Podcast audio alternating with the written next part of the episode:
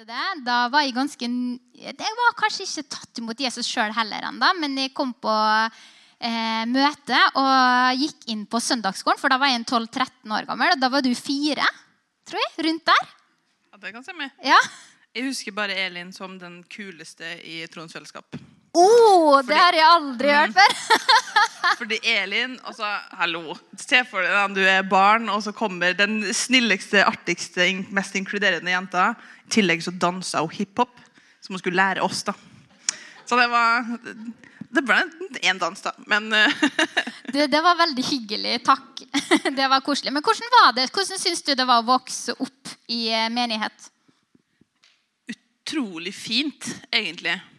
Um, men jeg tror kanskje det fineste var liksom eh, å være med på kjøkkenet. Synes jeg husker artig. Sånn, å være med å vaske opp, gjerne å hjelpe til. Det var kanskje det, det meste fellesskapet man hadde i dugnad. faktisk. Det jeg husker best fra barndommen, som var liksom artig. For det, det var ikke noe gøy å sitte på møte når du er fem år. Og søndagsskolen Jeg var sånn mellom alder. da. Sånn at alle var enten masse eldre eller veldig mye yngre. Så det var ikke så gøy på søndagsskolen heller. Men å hjelpe til, det var bra. For da fikk man også et ekstra kakestykke. Så det husker jeg fra Troms fellesskap. Så bra. Og så, ja, så du var med. og Etter hvert når du kom i tenårene, hadde du alltid lyst til å være med på møte da? Eller hvordan utvikla det seg når du ble litt mer selvstendig og fikk uttrykke litt mer dine egne meninger og egen retning? Fra tolv år så var det tvang. Ja. Enig, pappa? Nei, altså Når jeg begynte på ungdomsskolen, da, da er du jo 12, og så blir du 13. da. Og da var det plutselig liksom, Det var ingen andre kristne på skolen. Det var skikkelig ukult å være kristen. Følte ikke at jeg egentlig hadde fått tak på Jesus eh, sånn personlig.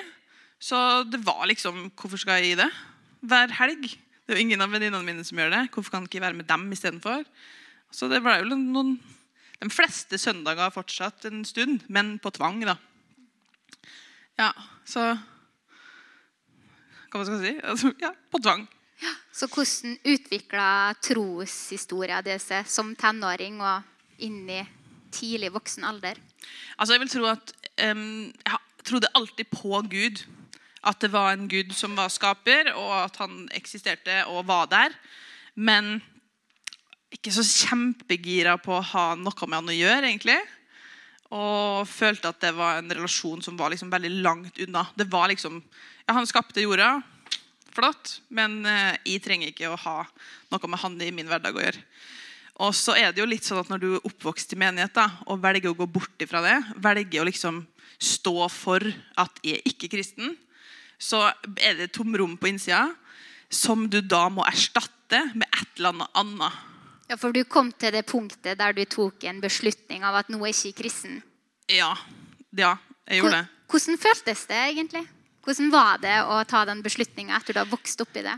Jeg tror ikke det var kjempegjennomtenkt. Det var mest mine venner er ikke kristen, jeg er ikke kristen. Hvorfor skal jeg Jeg følte meg ikke noe annerledes fra dem. Jeg følte ikke Så Jeg vet ikke, jeg tror det bare skjedde. Jeg kan ikke huske at de Nei, det her gidder ikke mer. Jeg tror det bare skjedde. Man bare glei bort i massen av mennesker, på en måte. Og familien din, hvordan takla de det? Um, det, det spørs jo litt uh, hvilket år man tenker på. År 13 så var det kanskje ikke så synlig, men 18, når man er full av tatoveringer og fester og har masse kjærester, så er det jo så klart tydelig at troa ikke er på plass. Så egentlig, mamma og pappa de eh, stort sett ba og holdt kjeft. Så jeg tror det var sjakktrekk hvis du har med Ester å gjøre som barn. At eh, de pressa meg aldri. De ville jo alltid at du skulle være med, så jeg fikk liksom kan man skal si, goder for å være med av og til. At jeg var litt i veia. Men eh, de sa altså, du, vet når du har kristne foreldre, du vet hva de mener. Du vet hva de syns. Så jeg fikk liksom aldri tilsnakk eller uh, irettesettelse. Jeg bare visste hva de mente. Og prøvde å unngå de emnene sjøl. Kunne du merke, og som kanskje sett i ettertida, eh, kunne du merke at de ba for deg? Mm, altså eh, min kjære mor er, har alltid vært en dame som ber. Så man vet at mamma ber. Og mamma var veldig synlig, hadde tid med Gud hver morgen. Og vi visste at vi var inkludert i det. Så eh, ja, i hvert fall mamma visste godt, klar over det. Og nå sier de at mamma ikke er her. Det er lurt. Mamma har utrolig profetisk gave og har bare snakka inn i livet mitt så mange ganger. Og det var så irriterende som tenåring. For hun hadde rett hver gang. Så da var du tenåring, og du hadde egentlig tatt et aktivt standpunkt imot den troa du har vokst opp i. Eh, var det lett? liksom? Kjente du at du kunne bare slippe det lett, eller følte du på tidspunkt at det nappa i det? Det her med Gud og, og troa og sånne ting? Altså Jeg tror av og til at tvang er bra. Er det lov å si det? Å bli enkelte møter som man ble tvingt på, var egentlig Man ser jo det i etterkant. Altså, Jeg er jo gravid, så jeg kan jo egentlig ikke snakke om sånne her ting. Hormonene er på, altså. Men eh, jeg husker, husker ikke Cowboy-Kåre. Han er jo dessverre død nå. Men han, han var radikal, altså. Han var rett fram, og han talte inn i livet mitt og tok meg opp. For da var du på et møte? Da var jeg på møte, da var jeg faktisk tolv år gammel. Og det var akkurat når jeg hadde bestemt meg for å gå bort fra Gud. Og han profeterte og ba, og du kjenner at Gud bare ah, drar i det. sant? Men fredagen etterpå, når alle vennene skal ut på fest, så er det mye kulere å bli med dem uansett. Så da er litt sånn der, Ja, du kan møte Gud uten å omvende deg. Og det gjorde jeg nok mange ganger i løpet av tenåra. Fram til ja, egentlig hele veien tror jeg. Så du visste jo at Gud var der, da? Ja, men eh, jeg tror ikke det var Man ville jo ikke det. Fordi at jeg visste jo hva det, hva det, betyr å gi livet ditt over til Gud. da. Du kan ikke feste masse. Du kan ikke i hvert fall For en tenåring da, så er det det viktigste i livet er jo eh, kjærester som så vidt holder hender med. Og og festing og venner og alt der, det er det som er viktigst. Og du visste at du måtte liksom legge det på hylla hvis du faktisk skulle gå all in for Jesus. For jeg har alltid vært eh, radikal i min personlighet. Så jeg visste liksom at hvis jeg gjør det, så blir det alt. Hvis ikke, så, så orker jeg ikke. Og jeg husker En gang i løpet av jeg vet ikke om du var 14 år, eller noe sånt, så skulle jeg kjøre det hjem en kveld.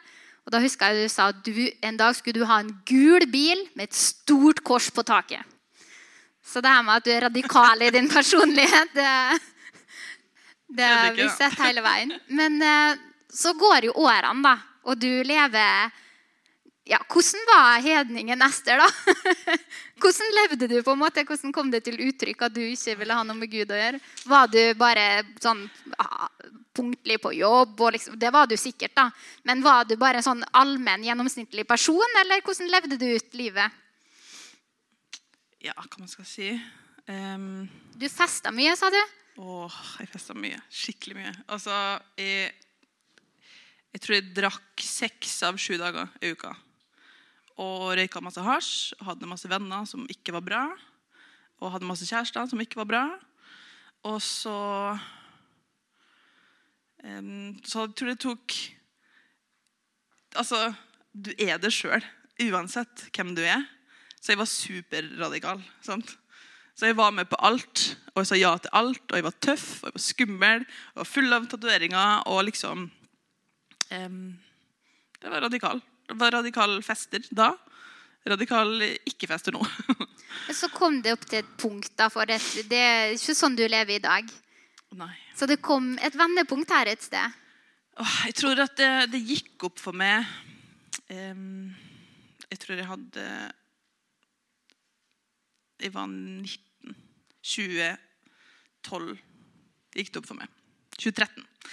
At jeg har prøvd alt. Jeg har vært på et sted der jeg har hatt masse masse penger. Vant 300 000 på skrapelodd. Det er ikke mange som kan si. En skikkelig dårlig punkt i livet. 300 000? De gikk bare rett inn på pensjonssparingskontoen? Uh, Nei, vi trenger ikke å gå inn i det. Jo, men det er faktisk en veldig Det er en stor del av eh, Hva man skal si Noe som vi kanskje nærmer oss vendepunktet da, i historien. At uh, jeg vant det da i 17, 17. mai 16. mai 2013. Da vant jeg 300 000. Og Da var du 19 år gammel. da var jeg 19 år gammel, ja. Og jeg kjøpte bil, og jeg kjøpte møbler, og så brukte jeg 100 000 på alkohol på tre måneder. Spanderte, jeg drakk ikke alt sjøl. Spanderte, dro på 100 000 er utrolig mye penger på tre måneder. Og etter den pengene var borte, og så ble jeg utrolig deprimert. For det var på en måte den siste tingen jeg ikke hadde prøvd. Jeg hadde prøvd festing, jeg hadde prøvd dop, jeg hadde prøvd kjærlighet, popularitet, det å være den tøffeste. Og så hadde jeg nå prøvd penger. Og ingenting funker, ingenting fyller hjertet. Og jeg bodde i en leilighet på Eide. Eh, og liksom bare var deprimert i flere måneder. Og gjorde ikke noe annet enn å dra på jobb. Og så på eh, Statoil, Molde. Og se på TV. Så jeg så eh, en serie som heter How I Met Your Mother. Den har ni sesonger. og når den sesongen var ferdig, og du på en måte skjønner at jeg har investert livet mitt i denne TV-serien For det er også en avhengighet som vi kan være i. Og den tok slutt, og ikke visste hva jeg skulle gjøre, så hadde jeg ingenting. Og når det siste du holder fast i, er en TV-serie, da er du langt nede. Så da ringte jeg min mor, mm, den snilleste av de alle, og eh, sa nå har jeg prøvd alt. Jeg har prøvd kjærlighet, jeg har prøvd festing, jeg har prøvd penger. Jeg har prøvd alt for å liksom fylle det tomrommet. Det tok åtte år da, fra jeg gikk fra Gud til denne samtalen. Og så sier mamma noe som er veldig ukarakteristisk. Hun sier 'Du vet hvorfor', og legg på telefonen. Altså Her kommer dattera di til det og skal liksom forklare hvor vanskelig livet er, og så legger du på. Men jeg var leda av Gud skikkelig. Jeg satt faktisk og røyka en sigarett i ovnen på, inne på gulvet. Fordi det var kaldt ute. eller noe sånt sikkert, vet ikke. Og ble så liksom satt ut. og De kasta røyken inn i ovnen, slenger igjen døra, sitter på gulvet og bare Mamma! Jeg forventa skikkelig en sånn derre Å, lille Ester. Å, stakkar. Jeg skal be for det, eller et eller annet sånn koselig. sant? At du veit hvorfor. Legg på. Og så hører jeg en, den eneste gangen jeg har hørt en stemme. Men den stemmen var liksom på innsida, så jeg visste at jeg hørte den, men jeg hørte den ikke med ørene mine. Og det er Gud som sier, 'Ester, du trenger meg.' Ferdig. Og jeg ble så provosert. Jeg ble superprovosert. For en frekkhet å komme her nå, liksom. Et- Etter alt det her skal mamma være sur, og så skal Gud være frekk. Og så, Hva er greia her? Jeg vet ikke. Jeg tror jeg måtte bare trykke på alle knappene. Og så tenkte jeg at OK, her kommer radikale Ester da, inn i bildet. Hvis det her liksom er greia, hvis det er Gud, hvis det er livet med Gud som er det som fyller livet, så skal jeg gå all in. Sant? Radikale. Så jeg eh, hadde ikke lyst til å gå i samme menighet som mamma og pappa. Så jeg begynte å gå på JTU her nede.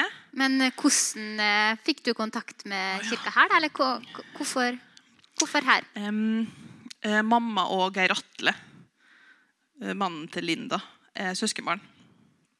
Så hun sendte melding til Geir Atle. Kan du få noen av ungdommene til å sende melding til Ester?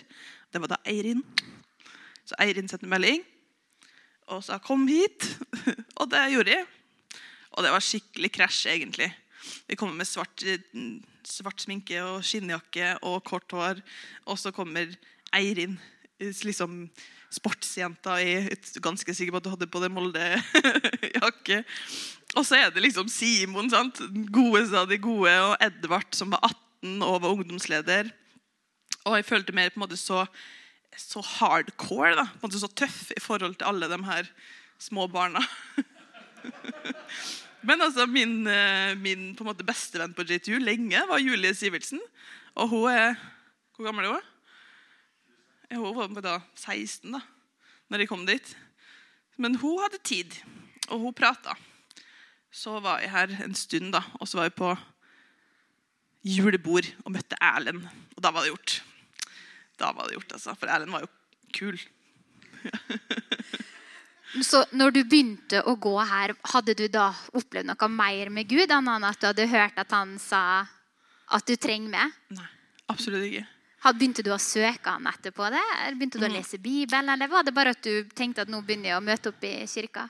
Jeg tror jeg visste at det her og det her gjør en kristen. En kristen ber, en kristen leter Bibelen sin, og en kristen går i menighet. Så det I januar der, så begynte jeg å gå i menighet. Da tror jeg jeg var på alt som det kunne gå på. Og litt til. Fordi at det var jo ingenting annet. Altså, jeg eh, gikk fra alle vennene mine. Var det vanskelig å bryte med det gamle? Hvordan Nei, det gikk litt det? for lett. Jeg bare stakk. Og ingen fikk kontakt med meg lenger. Og, eller de fikk kontakt, men de sa nei til alt. Jeg ville ikke være med på fest. Jeg ville ikke ingenting. Så det er jo faktisk noen som er sur på meg den dag i dag for at de dro. Ja, de følte seg forlatt på en måte. Skjønner ikke helt hvorfor, for vi drakk jo bare sammen. Så vi hang jo aldri ellers. Men, eh, så jeg hadde jo ingen venner, ingenting annet å gjøre på. Så da var jeg her, da. Så jeg var på alle bønnemøter og vennetreff og alt som kunne, kunne gå an. Og så slutta jobben min fordi at eh, vi skulle starte menighet i Kristiansund. Da hadde jeg vært kristen et halvt år. Og eh, ja, vi skulle bare være med på alt.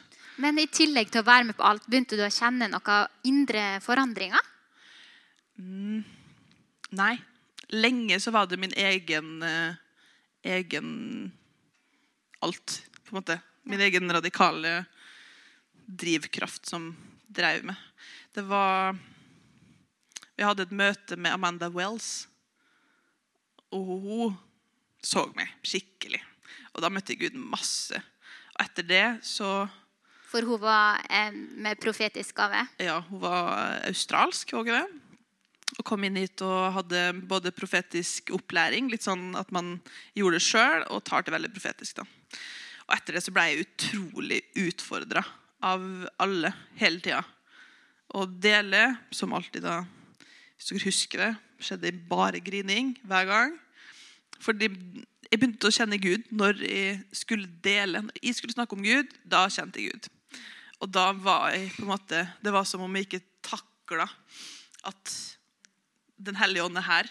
Når du snakker om han, så har du Den hellige ånd som bare Yes, come on! Jeg klarte ikke. Så jeg grein istedenfor. Så det skjedde sikkert to år utover der. Så jeg hadde egentlig aldri et nytt møte med Gud. Det var praktisk omvendelse og min egen dedikasjon, som varte lenge. Og så har jeg blitt, ble på en måte mer og mer kjent med Gud, som da holdt den dedikasjonen oppe. Så ja. Så når du da hadde gått her, hvor mange år så bestemte du deg for å gå på bibelskole? Um, to, to år ble det. Nei, ett år. Ja. Så jeg ble, eh, frelst i november.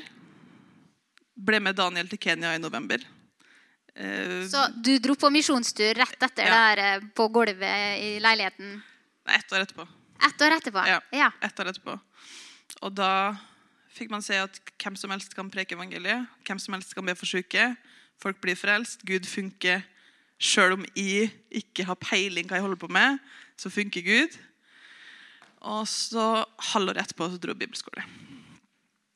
Jeg må bare spole litt, eller sette forstørrelsesglasset på det her. For du sa du kom hit til kirka, og så var det egentlig ingen som var sånn som du. Å nei, absolutt ikke. Men hva var det som gjorde at du blei? Jeg tror det, det ble når jeg begynte å gå på søndagsmøtene i tillegg. Og at man ble så sett og så velkommen og så dratt inn. Åh, Nordvestkirka kirka, i mitt hjerte. Altså beste plassen. Altså, og bare liksom Lillian. Sant? Så med hver søndag. Åh. Beate og Svein. Altså, Svein fikk alltid klemme Svein. Ja, Skikkelig godt. Og så var jo Erlend og Annika og Daniel veldig utfordrende. Og det trengte jeg. Få liksom en utfordring. Hva tror du på? Jeg måtte faktisk liksom sjekke i Bibelen. Hva sier Bibelen? Jeg måtte... Daniel spurte ja, hva leste du i Bibelen dag tidlig. Så da måtte jeg passe på å lese i Bibelen når jeg skulle visste at jeg skulle møte Daniel. Sant? Det var veldig utfordrende. Så har, det er en grunn til at jeg liker å utfordre. Så, fordi det funker. Vi trenger at noen holder oss litt på pinnen. Og det, ja, så både det å bli tatt imot, sett som et menneske, og bare følte ikke at, at man tenkte annerledes om meg enn om andre. Man følte at her passer man inn, her er man velkommen, her er man en del av familien med en gang. Og så ble man utfordra. Jeg ble kanskje utfordra mer enn andre, men jeg takla det helt OK. ikke sant? Ja. Oi. Og det er jo litt sånn eh, stang av mikrofonen i tanna mi. bare. Eh, det utfordrer litt sånn den norske naturen. da, tenker jeg. Vi er litt sånn, i hvert fall i å respektere andre sine grenser. Og det er jo sunt og bra, men noen ganger å tørre å trenge litt på. da, Og eh, stille spørsmål. Hva leste du i dag tidlig? Eller anerkjenne det man ser i noen. For jeg tror det at de så at i Ester så bor det noe. Og de hadde lyst til å framelske den gava og de evnene og ja, det som Gud har lagt ned i det. Ja. Så det er jeg utrolig takknemlig for. Ja. Og det var kanskje det som gjorde at, at de så at det er jo mer til livet med Gud enn å bare dra på søndagsmøte mm. og så leve et vanlig liv. Men vi trenger å bli ordentlig kjent med Gud. Mm. Vi trenger å på en måte kunne Guds ord mm. og la det få være en del av oss. Vi trenger å gi det videre. Vi trenger, jeg trenger å dele evangeliet med andre. Mm. Fordi at hvis du skjønner evangeliet, så vil du dele det. Mm. Hvis du ikke vil dele evangeliet, så har du ikke forstått det. Så da må man få tak på hva er evangeliet. Mm. Så utfordring er bra. Ja. Vi må ikke være så redd for utfordring. Skikkelig bra for en utfordring. Ja, Åh, Så herlig. Ja, Det var veldig sterkt å høre. Du vokste opp i kristen menighet. Men så måtte du, var, du var, og skulle teste alt. liksom, Er det noe som fyller? Fest, kjærlighet, penger. Du fikk prøvd alt, og så likevel mm. sitter du igjen med den tomheten. Og så sier Gud at det er meg du trenger. Ja. Det er fantastisk. Gud vet at vi trenger Han. Og han vet å møte oss der vi er. Ja. Og det er livet ditt et eksempel på. Og så syns jeg også det er veldig herlig at du forteller på en måte at når du da ville følge han, så ble det veldig praktisk. Det er på en måte Du må gå stegene sjøl. Det er ikke nok bare å ha en opplevelse eller en erfaring av Gud. Man må faktisk plukke opp Bibelen, man må gå til kirka, man må ta imot de utfordringene man får, og vokse sammen med Gud. Mm. Fantastisk. Så herlig, Ester. Tusen takk for at du delte ditt vendepunkt. Og så er det helt sikkert flere vendepunkt i Ester sitt liv òg, så da får vi spørre og grave litt. da, vet du, Tråkke over de norske, komfortable grensene våre. og det er greit, ja. For vi lærer av hverandre. Ja. Og vi lærer å kjenne Gud av hverandre og hverandre sine historier. Så bra. Jeg har lyst til å synge en sang bare helt til slutt. Um, Jesus, når han uh, skulle fortelle hvem Gud var, så sa han at Gud var en far. Jesus var egentlig, Hvis du leser Bibelen, både Gamle testamentet og så går det over i Nytestamentet, så løfter Jesus fram mer enn vi har sett i hele Gamle testamentet, i stor grad at Gud er vår far. Og når han skulle forklare hvilken far Gud var, hvordan han er som far, for det fins jo mange forskjellige fedre, typer fedre, så måtte han på en måte si at når vi som er onde, vet hvordan vi skal gi gode gaver til barna våre, hvor mye mer vil ikke da Gud gi gode gaver til den som ber han? Så han må på en måte for å fortelle hvor god Gud er, så må han sette oss som skikkelige og ordentlige foreldre som onde. Selv om vi er gode i menneskelig standard. Så har jeg lyst til å synge en sang som handler om det. Om at kom til din far. Eh, eller spring til det, Gud min far. Og jeg hadde bare akkurat det bildet som vi så opp med, når at eh, vi mennesker, før vi blir foreldre, gjerne så drømmer vi om det barnet vi skal få. Som er vårt, og som har våre gener i seg. Sånn har Gud drømt om også. Før vårt hjerte begynte å slå her på jorda, før vi trakk vår første pust, så var Gud etter vårt hjerte. Han ville ha oss. Og han gjorde det som måtte til for at vi skulle bli kjøpt fri og kunne komme inn i hans armer. Så den sangen er på engelsk, men den handler som det at Kom, i spring til deg, Gud min far. Jeg legger fra meg alle unnskyldninger, og jeg slutter å vente. Hjertet mitt trenger en kirurg, og sjela mi trenger en, en eh, venn. Så jeg springer til det, far. Igjen og igjen og igjen og igjen.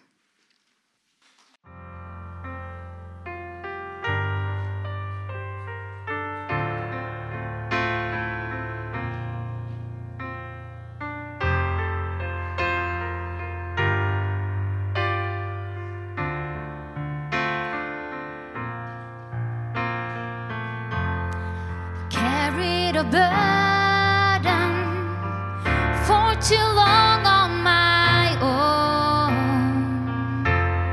I wasn't created to bear it alone. I hear your invitation to let.